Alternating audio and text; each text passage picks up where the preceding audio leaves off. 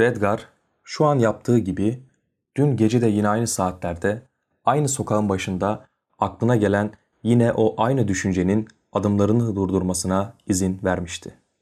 Yukarı kalkan kaşlarına zıt olarak inik göz kapakları ve soluk mavi gözleriyle karşıladığı belki de içinde biraz da umut barındıran bu düş onu çok kısa bir süre oyalayabildi. Ardından sağ yanağına doğru yükselen tek taraflı ve alaycı bir sırıtışla gelen itirazını mırıldanarak yavaştan yürümeye devam etti. ne yani? Bir haftadır delikli bir fıçının içinde sabahlıyor olmam mı adımlarımı düşüncesizce hızlandırmama neden oldu? Gören de bir evim var da akşam yemeğine yetişmeye çalışıyorum zannedecek. Edgar akşam yenen yemeğin ve sıcak bir evin hayalini reddederken yüzünde beliren alaycı sırıtışın bir anlığına da olsa gerçek bir gülümsemeye dönüşmesine mani olamadı. Sadece bir an için beliren bu umut dolu gülümseme daha öncekilerden de hızlı bir şekilde yüzünden ve aklından alıkonulmuştu.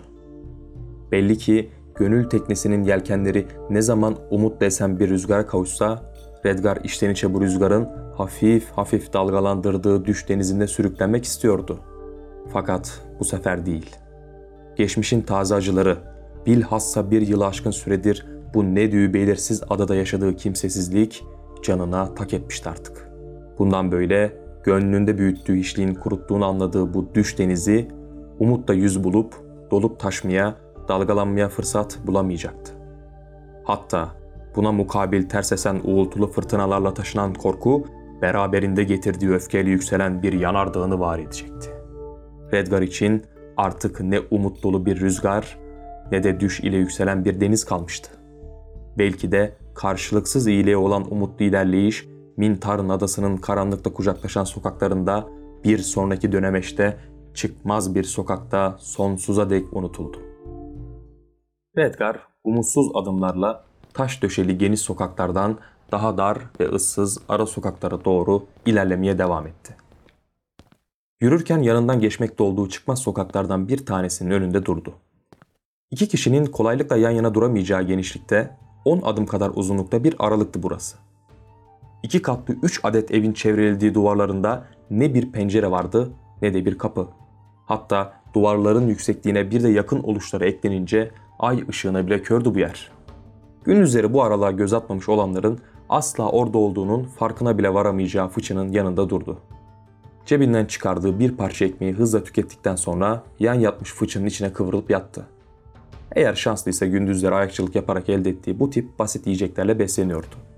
Hırsızlık yapmaksa aklının ucundan bile geçmezdi. Çünkü denemeye kalksa başaramayacağını bildiği için bu fikri uzun bir süre önce kafasından silip atmıştı. Adada geçirdiği bu zorlu bir yılda hayatta kalmasının tek sebebi babası Tom Vince Sailor'ın Redgar'ı 10 yaşına değin ticaret gemilerinde seyahat ederken emanet edebileceği bir tanıdıkları olmamasından dolayı yanında götürmek zorunda kalmasıyla öğrendiği birkaç beceriydi. Şimdilik işini görüyordu fakat daha ne kadar böyle yaşamaya devam edebilirdi emin değildi. Az biraz yediğiyle ısınan midesinin verdiği uyuşukla kendini bırakmak üzereydi Redgar. Fakat bir grup insanın bağırışları ve yersiz kahkahalarıyla tekrar kendine geldi. Merak edecek bir şey yok gibiydi. Oldukça sarhoş oldukları her halinden belli olan bu insanlar önünü bile zar zor görmekteydi. Bir dakika içinde fıçının bulunduğu çıkmaz sokağın önüne kadar gelmişlerdi.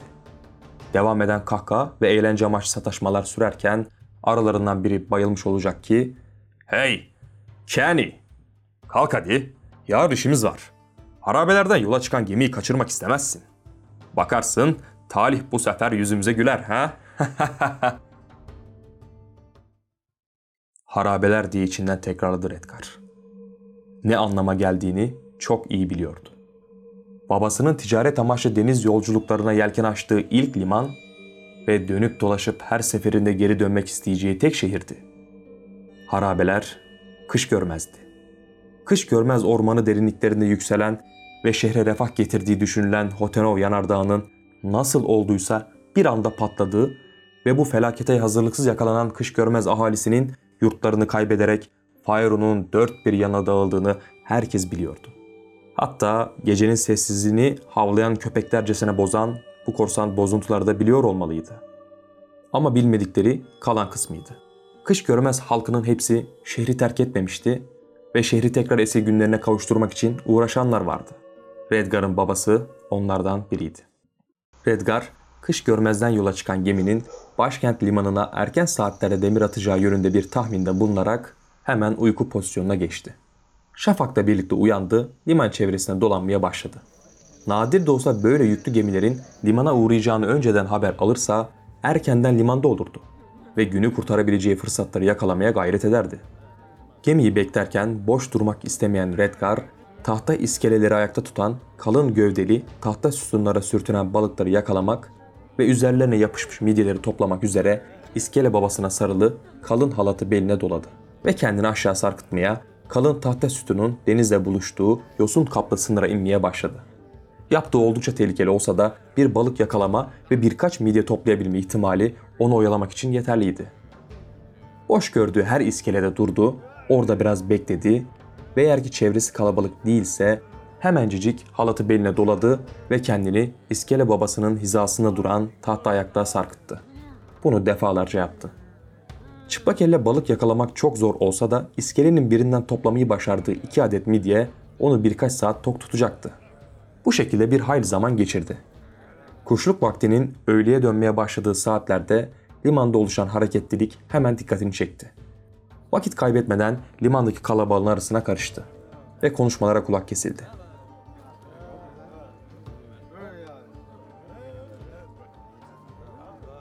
Anladığı kadarıyla kış görmezden gelecek olan gemi bu kalabalığa biraz sonra görünecekti. Gelmesini arzuladıkları geminin ufuk çizgisinde belirecek olan Baba Fingo direğini gözlerken geminin neden geç geldiği konusundaki teoriler havada uçuşmaktaydı. Hatta bu teorilerden bir tanesi dile getirildiğinde yükselen homurtular Redgar'ın dikkatinden kaçmamıştı. Anladığı kadarıyla Mintar'ın adası Beyaz Yelkenler şirketine yapılan yüklü yatırımın geri çekilmesinden duyulan endişeydi bu. Ama yatırım derken neyi kastetmişlerdi emin değildi.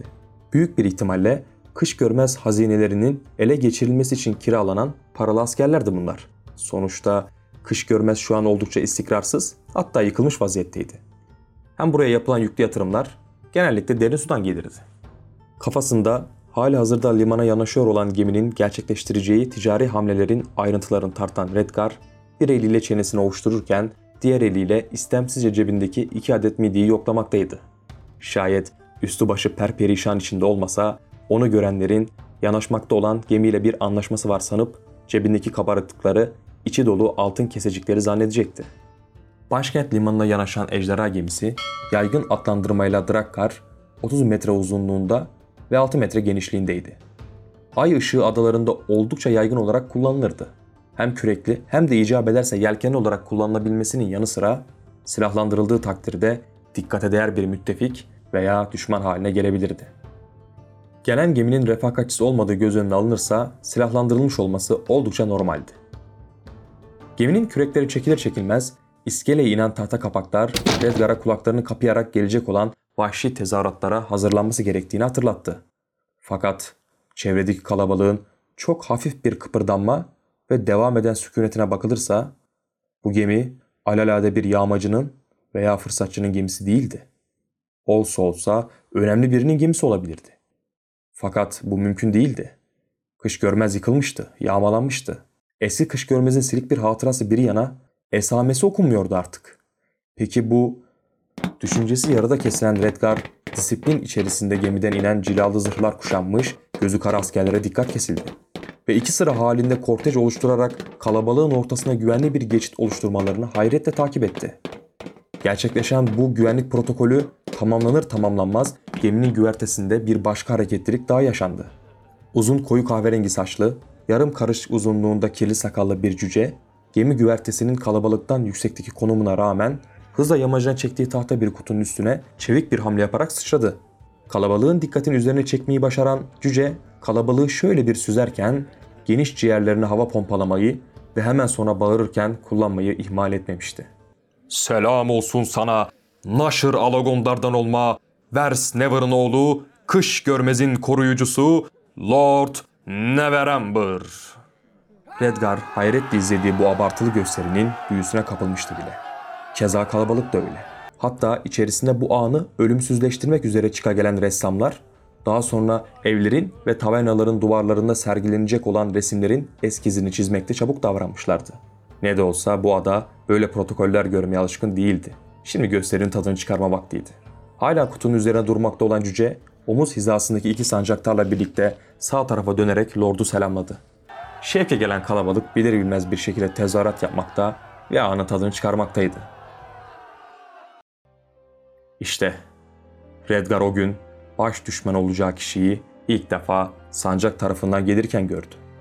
Kortejden geçerken de gördü. Ama gerçek yüzünü Mintar'ın adasının çürümüşlüğünde görecekti ve bilecekti.